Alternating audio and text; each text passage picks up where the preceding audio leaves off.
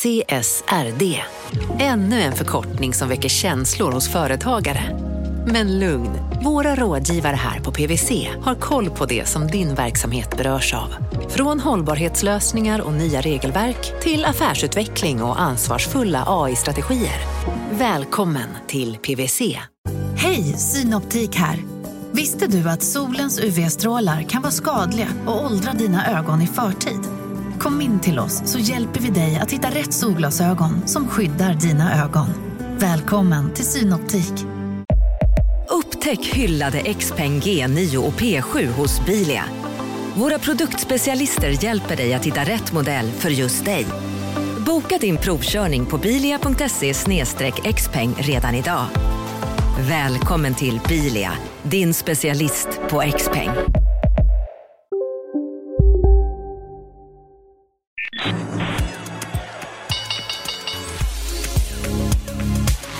Här är Affärsvärlden Magasin med Helene Rådstein. Hej och hjärtligt välkomna till podden Affärsvärlden Magasin där vi fördjupar oss i affärsvärldens journalistik. Jag heter Helene Rådstein och jag är reporter på Affärsvärlden. Och vi har nyligen skrivit, i det senaste numret av Affärsvärlden så har vi skrivit om de affärsjuridiska byråerna där vi som faktiskt enda institution eh, kartlägger hur varje byrå går och mår och så vidare. Det finns också en branschrapport som man kan beställa från oss om man vill fördjupa sig vidare i de här siffrorna. En sak som är väldigt kul det är att eh, efterfrågan på jurister skjuter i höjden. Den glödheta marknaden har skapat en flaskhals i produktionen där advokatbyråer tvingas tacka nej till uppdrag på grund av kapacitetsbrist. Och den skriande efterfrågan på jurister leder till rekordhöga lönekrav samtidigt som ohälsan bland unga jurister skjuter i höjden. Detta har vi skrivit om i det senaste numret av Affärsvärlden och generellt sett kan man säga att Medan ekonomer har länge betraktats som någonting som kan göra... En ekonom kan göra lite vad som helst på ett bolag eller en institution eller en organisation och så vidare. Man behöver inte bara syssla med siffror och så. Det är något som är hyfsat etablerat. Det som har hänt på sistone är att eh, arbetsmarknaden har fått upp ögonen lite för jurister. Att en jurist kan man använda lite till vad som helst. Och det är allt fler som anställer jurister som man kan nog använda till alla möjliga olika saker. Och eh, samtidigt då så har vi rekordmånga börsnoteringar och vi har en hög aktivitet på transaktionsmarknaden, det som man kallar för M&A. Samtidigt har vi rekordmånga tvister i Sverige som eh, också sysselsätter tvisteavdelningar. Och lägg där till coronakrisen och sådär. Det är ett enormt tryck. Och lönekraven som har skjutit i höjden, det betyder till exempel att en jurist som har jobbat i två, tre år, sådär, de säger till rekryterare att jag flyttar inte på mig för mindre än 95 000 kronor i månaden. Det berättar till exempel Sarina Wischholm på Sharp Recruitment för Affärsvärlden. Och nu, eh, för att bara ta lite mer puls på det här, så åkte jag ut till eh, Stockholms universitet där det finns en eh, Eh, arbetsmarknadsmässa där eh, byråer marknadsför sig och träffar då studenter. Och det är inte bara byråer utan det är också Svenskt Näringsliv, det är Åklagarmyndigheten och sådär. Och så tänkte jag höra vad de säger helt enkelt. Häng med! Marknaden sponsras av SPP, pensionsbolaget. Eh, förra gången pratade vi lite om ITP. Och som en kort repetition så, så var det ju 70-tal, arbetsmarknadens parter bestämde att alla tjänstemän ska ha en tjänstepension. Man kom överens om vilka villkor som ska gälla i den här pensionen och så kallade man den för ITP. Så jobbar man idag som tjänsteman i ett företag med kollektivavtal, då har man förmodligen den här pensionen, ITP-pensionen. Eh, och det är ju så att man kan påverka eh, den här pensionen, hur den är placerad. Vart femte år så gör nämligen Collectum, som de heter, en enorm upphandling där olika pensionsbolag kan ansöka om att få förvalta eh, de här pensionerna. Och SPP är ett av bolagen som valdes ut i den senaste upphandlingen. Och sen kan du som pensionssparare välja eh, vilket av de här olika pensionsbolagen som, som då ska få ta hand om dina pengar. Och tanken med den här upphandlingen det är ju att liksom kvalitetssäkra de här olika alternativen eh, men också att förhandla fram stora rabatter så att pensionsspararna ska få ja, kunna spara pengar genom att avgifterna eh, som är så viktiga eh, blir eh, lägre. Och vill man välja någonting i ITP-systemet då finns det en relativt ny sajt som heter avtalat.se. Ehm, där kan man gå in och se hur sin ITP-pension är placerad. Jag gjorde det häromdagen faktiskt. Ehm, idén är att hälften av pengarna alltid ligger i något som kallas för traditionell försäkring. Det här gjorde vi ett avsnitt om i podden Kapitalet nyligen eh, som vi kallade världens bästa sparform. kan man lyssna på om man är intresserad. Eh, den andra halvan eh, den kan man också lägga i en traditionell försäkring eller så kan man placera det i något som kallas för fondförsäkring. Ehm, SPP som sagt eh, var ju ett av de fåtal bolagen som valdes ut i den senaste upphandlingen och de finns med som alternativ både med en traditionell försäkring och med eh, fonder. Så det var en liten bakgrund till ITP-systemet. Vill man läsa mer om det här eller typ kolla hur ITP-pensionen är placerad, eh, kanske göra förändringar, då går man in på avtalat.se. Eh, men tack säger jag till SPP som vill göra oss människor mer medvetna om hur enormt viktig pensionen är för oss som en framtida lön, men också som en positiv kraft i samhället eh, och förstås för att ni möjliggör eh, den här podden Marknaden. Och nu står jag här med Matilda Havert från Morris Law. Hallå, vad gör ni här egentligen? Hej! Eh, vi är här idag för att eh, se om vi kan träffa lite spännande människor som ändå kanske vill jobba med affärsjuridik på Morris Law eller jobba med något annat spännande som ehm, har med juridiken att göra där vi kan ja, knyta lite kontakter helt enkelt med människor som är intresserade. Eh, alltså både studenter och även andra verksamma. Du är ju också själv jurist och du jobbar inom tvister. Eller hur? Ja. Precis, jag jobbar i tvistlösningsgrupp på en Morris Law som är då en affärsjuridisk byrå. Så jag jobbar ju med både domstolsprocesser och även skiljeförfaranden. Du ser ganska ung ut skulle jag säga. Hur gammal är du? Jag är 30. Ja, I min värld då, ung. när, när du skulle då välja byrå, hur eh, gick tankarna då? Ja, men då tänkte jag att det var viktigt för mig att jag eh, kände att jag hade en byrå som jag kunde stå bakom. Och då menar jag väl liksom att jag känner att jag har samma värderingar som skulle ja, genomsyra den byrån. Vad är det för värderingar? Ja, men att man eh, vill, alltså man ska känna gemenskap, delaktighet, eh, jämlikhet, lika villkor. Alltså för alla olika anställda, vare sig man är alltså man eller kvinna eller om man jobbar med admin eller om man är jurist och sådär. Att man känner sig ja, delaktig och en bra gemenskap helt enkelt. Den här branschen har ju inte dragits med topp employer branding stämpel kan man säga. Eller liksom, var det något som du tänkte på när du studerade juridik och när du sen skulle välja arbetsplats? Ja, men jag har ju själv jag har studerat i Örebro, men där har de ju också en arbetsmarknadsmässa. Så jag har ju också gått runt på de här mässorna och känt att eh, allt ser kanske lite likadant ut, speciellt för affärsjuridiska byråer och sådär. Och att man eh, kanske inte riktigt var ute efter eh, att det bara skulle kännas eh, väldigt eh, ja, fint eller lite häftigt så utan att man känner att man vill ju ha en arbetsplats där man utvecklas och också få plats att eh, vara sig själv liksom. Alla behöver ju inte vara stöpta i samma samma form. Men är ni lika? Är ni jämställda? Har ni inte delägare? Och är det, liksom, hur ser det ut? Jo, men det är klart att vi har eh, olika positioner. Alltså, det finns ju delägare och liksom advokater och så vidare. Och vi är både eh, män och kvinnor och sådär. Men jag tycker att man eh, har en bra grund Ehm, vision liksom, av att man verkligen vill skapa förutsättningar för varje individ på Morris. Eh, att man eh, vid en rekrytering så är det väldigt viktigt. Det är inte att man kanske måste precis ha gjort alltså en viss sak eller liksom ha, det krävs liksom exakt en viss betyg eller så utan det är faktiskt så att man går väldigt mycket på personlighet och liksom Eh, hur man kan passa in i just en viss grupp och sådär. Att det blir liksom inte bara en mängd rekrytering ungefär. Att man eh, tittar på, men de här har eh, kanske alla toppbetyg och så tar man in allihop och sen så passar det ändå inte utan man liksom eh, tänker att man ska skräddarsy det för att man ska kunna passa in grupp och också vilja vara kvar över en längre tid. Du jobbar på tvistesidan. Vad det gäller tvister, det finns vissa tvistintensiva branscher va? som är entreprenad till exempel och sådär. Var, varför är just bygg till exempel så tvistintensivt? Ja, men det är ju en bransch där det dels för... Alltså det, det är ju många olika aktörer och många olika tidsfrister, olika avtal, olika prestationer som ska, ska hända och då uppstår det ju liksom ofta kanske problem med förseningar eller fel i olika typer av varor och så vidare och då, då blir det liksom ofta tvist. För det kokar ju ner till pengar sen, vem som ska ha betalt vilken tid. Finns det någon annan tvistintensiv bransch och finns det någon bransch som faktiskt borde sätta igång och tvista?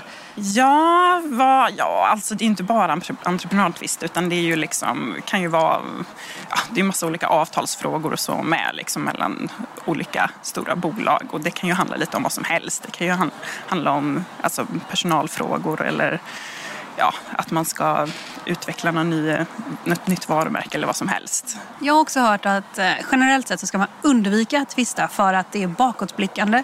Det är inget framåtblickande, det är inget som utvecklar affären och sådär. Vad säger du? Du lever ju på tvister.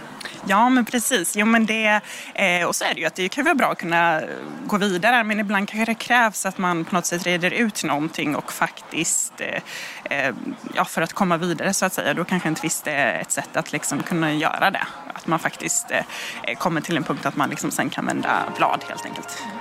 Jag säger tack så mycket till dig Matilda Havert på Morris Law. Tack så mycket. Okej, nu går jag in och kollar lite mera.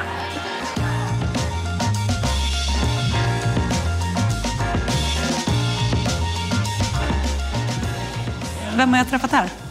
Tara heter jag, eh, Mojna Afshar och jobbar som skattejurist på skatteavdelningen Svenskt Näringsliv. Men när du skulle välja vart du skulle börja jobba någonstans efter examen, hur tänkte du då? Ja, det började med att jag var intresserad av internationella skattefrågor och eh, så sökte jag mig till Svenskt Näringsliv för att eh, ja, jag skulle skriva min uppsats om internationell beskattning och eh, det var väl inte jättemycket mer tanke än att jag var intresserad av de frågorna som Svenskt Näringsliv jobbade med. Ehm, och sen så hade jag min uppsatspraktik där i tio veckor och ehm, påbörjade ett projekt där som jag eh, sen fick avsluta under sommaren och då ehm, så blev det en öppning också för den juniora tjänsten som jag sitter på nu. Hur är det då att jobba där? Det är väldigt roligt, väldigt lärorikt. Eh, det händer mycket och man får träffa alla typer av människor som jobbar med väldigt olika frågor så att man får en helt annan man blir inte insnöad i bara juridik även om mina arbetsuppgifter är generellt sett väldigt mycket juridik och en del ekonomi också så, att, så blir det väldigt dynamiskt. När man sitter och jobbar med skattefrågor på Svenskt Näringsliv, eh, som ju är en opolitisk organisation, men ändå finns ju liksom en slags politik i botten där. Eh, man driver, det ska vara det är momsfrågor, man ska verka för företagens väl och lite så. Vad, vad sitter du med för frågor? Jag sitter med väldigt blandade frågor. Just den tjänsten jag har är lite speciell eftersom eh, det är den enda juniora tjänsten eh, på skatteavdelningen. Så jag får jobba väldigt brett med alla typer av skattepolitiska frågor.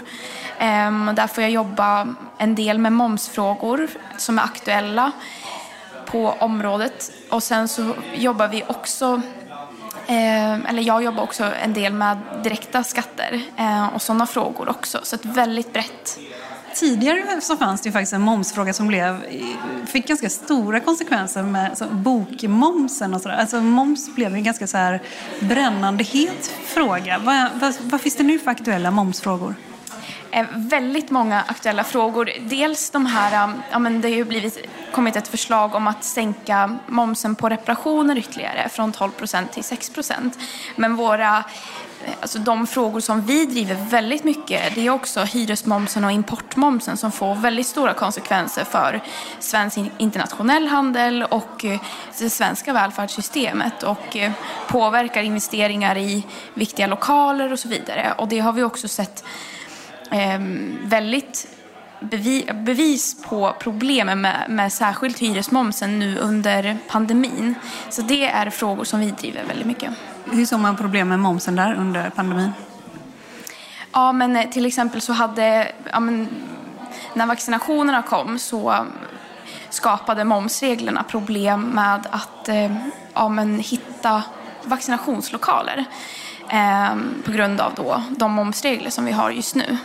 Fan intressant. Så, liksom, om du tänker om fem år, vad har du för liksom, vision om att du vill jobba med då för typer av skattefrågor? Du sa att du letade efter internationella skattefrågor, att du höll på med det innan och sådär. Vad, vad skulle du säga på kanske tio år då? Nej men på sikt, vad skulle du vilja göra? Eh, väldigt svår fråga för just nu så blir jag intresserad av allting som jag får jobba med. Så att, eh, just nu så tycker jag ju momsen är väldigt rolig. Eh, men vi får se. Det är alldeles för tidigt för mig att svara på. Ja, men det låter så, som att du har hamnat rätt i alla fall hittills. Okej, tack för att eh, du var med. Tack så mycket. Du lyssnar på Affärsvärlden Magasin med Helene Rådstein. Eh, marknaden sponsras av Karla. Eh, vi pratar ju en hel del om bilar här på kontoret. Eh, karla har ju skapat, skulle jag säga, det som är standarden för hur man idag köper och säljer bilar på nätet. Kort bakgrund bara. Karla säljer och leasar begagnade elbilar och laddhybrider på karla.se. Alltså en helt digital upplevelse. Och man har gjort det här med ett nästan maniskt fokus på vad en bilköpare faktiskt behöver. Jag gjorde ju en intervju med en av grundarna, Patrik Illerstig, i marknaden här eh, ganska nyligen, eh, daterad 25 mars, om man vill lyssna på den. Eh, men där berättar han hur de kom in i det här lite från vänster för att försöka uppfinna hela den här liksom bilköpupplevelsen från början. Och de har idag, vilket är rätt otroligt, 4,8 i betyg eh, på Trustpilot. Jag, jag har sett många företagssidor på Trustpilot, men det här är nog bland eh, det bästa jag någonsin sett faktiskt. Man kan sälja bilen till Karla också. Eh, då går man in på karla.se, delar lite info om bilen, sen får man en gratis värdering och ett bud. De hämtar bilen helt gratis i hela Sverige och så har man pengarna på kontot i samma stund som de hämtar bilen. Det är grymt. Eh, så ska du köpa en ny bil eller sälja din gamla, eller båda delar för den delen, gå in på karla.se och eh, kolla. Alltså karla.se och Karla stavas med C. Tack så mycket till Karla.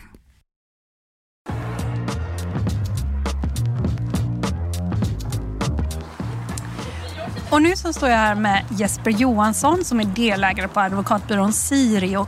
Och eh, ni är en relativt ny byrå, nygammal kan man säga, eller? Ja, det kan man säga. Vi startade vår byrå 2019, eh, så vi har funnits nu i lite drygt två och ett halvt år. Eh, och kom ju innan det från en större byrå som vi lämnade och etablerade vårt kontor. Då. Så att... Ja, det är advokatfirman eh, Lindahls Stockholmskontor som bröt sig loss och det blev två byråer och Sirio blev den större byrån då utav de två som blev. Men eh, vad gör du på byrån? Jag jobbar med bank och finans. Mm. Och eh, ja, ägnar större del av min tid till att skriva låneavtal och pantavtal och obligationsvillkor. Mm. rätt mycket runt förnyelsebar energi faktiskt just nu. väldigt mycket projektfinansiering. En hel del fastigheter också och, och förvärvsfinansiering. Mm. Ni har haft också dubbelt så mycket att göra nästan under corona, eller? Jag vet inte, dubbelt så mycket vet jag inte men, men det har absolut varit ett väldigt högt tryck.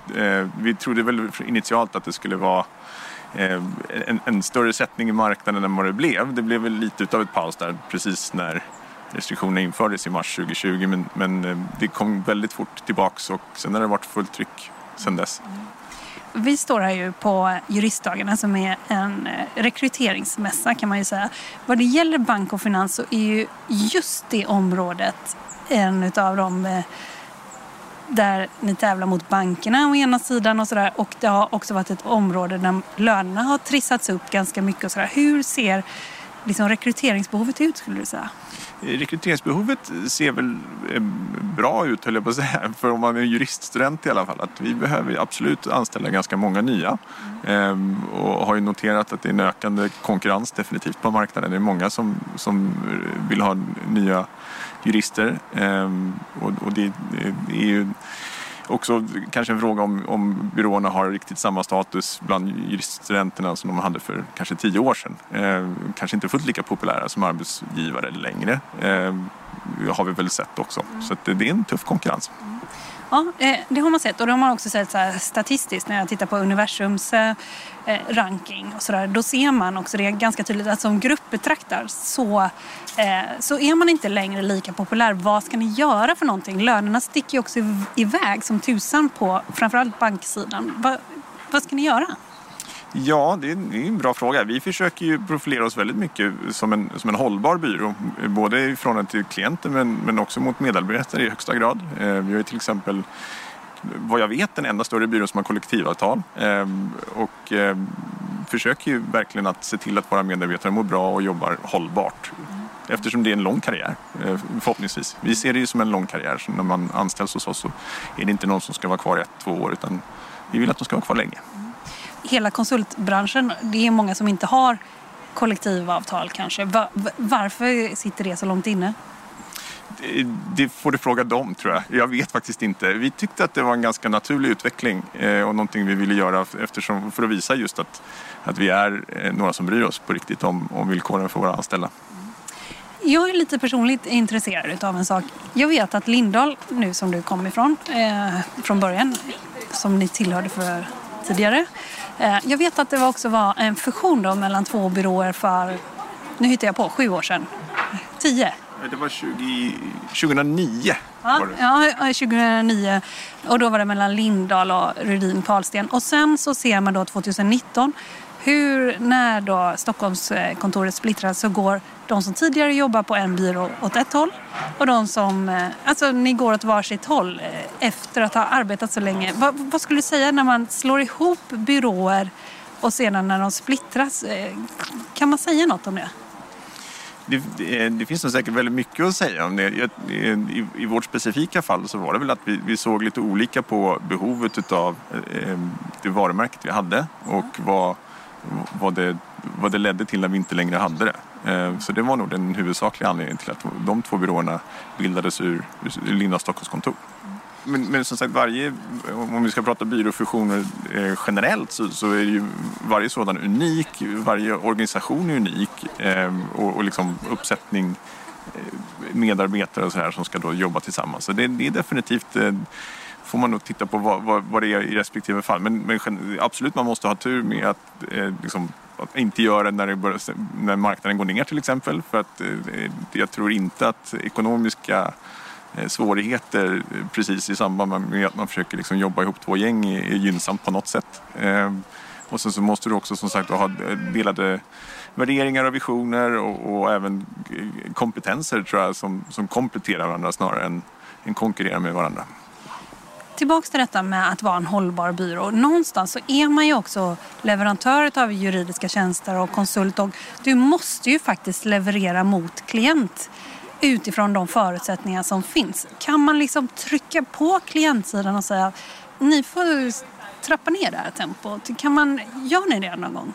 Ehm, den är ju svår eftersom att det är klienterna som ger oss uppdraget och formulerar uppdraget såklart. Men vi försöker ju absolut att, att fråga hur bråttom det är och om det är okej okay att vi levererar eh, liksom senare än, än man kanske hade hoppas från klientens sida utifall de hör av sig till oss och säger att kan ni göra det här? Så, så, så säger vi att så här ser det ut och kan vi, eh, kan vi liksom lägga det lite senare utifall det är möjligt så, så skapar det en möjlighet för oss att också ge våra medarbetare en hållbar situation.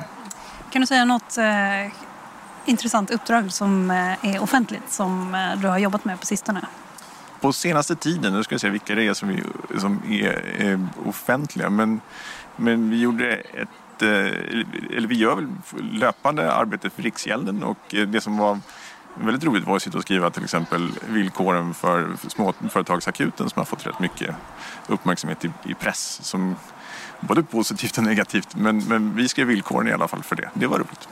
Det måste vara en bra klient. Det är en bra klient. De är väldigt trevliga. Jag säger tack till dig Jesper Johansson från Sirio. Tack för att du var med. Tack så mycket.